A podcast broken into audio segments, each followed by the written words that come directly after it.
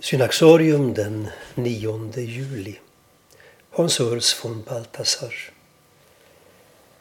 När den unge schweizaren Hans Urs von Balthasar på 1930-talet som jesuitnovis studerade teologi fann han föreläsningarna så ointressanta och långtråkiga att han stängde igen öronen och började leta efter något mer spännande att läsa.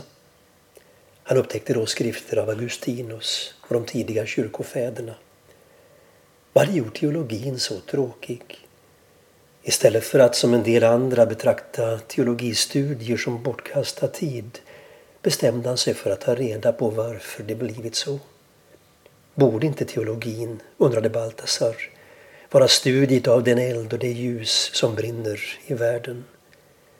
Teologen hade istället reducerat den till ett vändande av blad i oändliga kataloger av idéer. Om den levande guden alls finns måste han vara ytterst konkret, menade Baltasar. Hans stora teologiska ämnen blev skönheten, godheten och sanningen. Vad Baltasar såg klarare än någon annan i sin tid var hur föreningen av sanning, godhet och skönhet framträder i vad som borde vara teologins största ämne men som ofta blivit bortglömt av teologerna. Guds härlighet, inkarnerad i Jesus Kristus. I 15 digra volymer samlade Hans Urs von Balthasar ihop den i Europa förskingrade teologiska, filosofiska och litterära traditionen omkring denna grundläggande insikt. Han bidrog till att på nytt göra teologin levande, dynamisk och brinnande.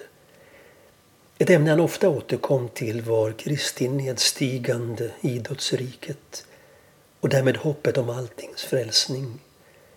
I boken Mysterium Pascal utlägger han på ett banbrytande sätt i nära anknytning till kyrkofäderna långfredagens, påskaftonens och påskdagens drama. Hans Urs von Balthasar hade under många år en nära vänskap med en uppmärksammad mystiker som han upptog i den katolska kyrkan, läkaren Adrien von Speyer och tillsammans formade de en lekmannaorden Johannes Gemeinschaft, Johannes gemenskapen för män och kvinnor. Själv framhöll han att hans eget teologiska bidrag inte kunde förstås åtskilt från von Speyers visionära budskap.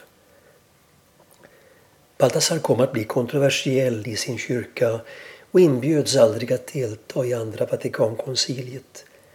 Men med tiden växte hans förtroende och Johannes Paulus II utnämnde honom 1988 till kardinal. Han dog dock i sitt hem i Basel bara två dagar innan han skulle installeras i uppgiften. Hans Urs von Balthasar kan i hög grad med den tidiga kyrkans definition beskrivas som en teolog som bad i ande och sanning och han räknas till 1900-talets mest inflytelserika teologer inom den katolska kyrkan.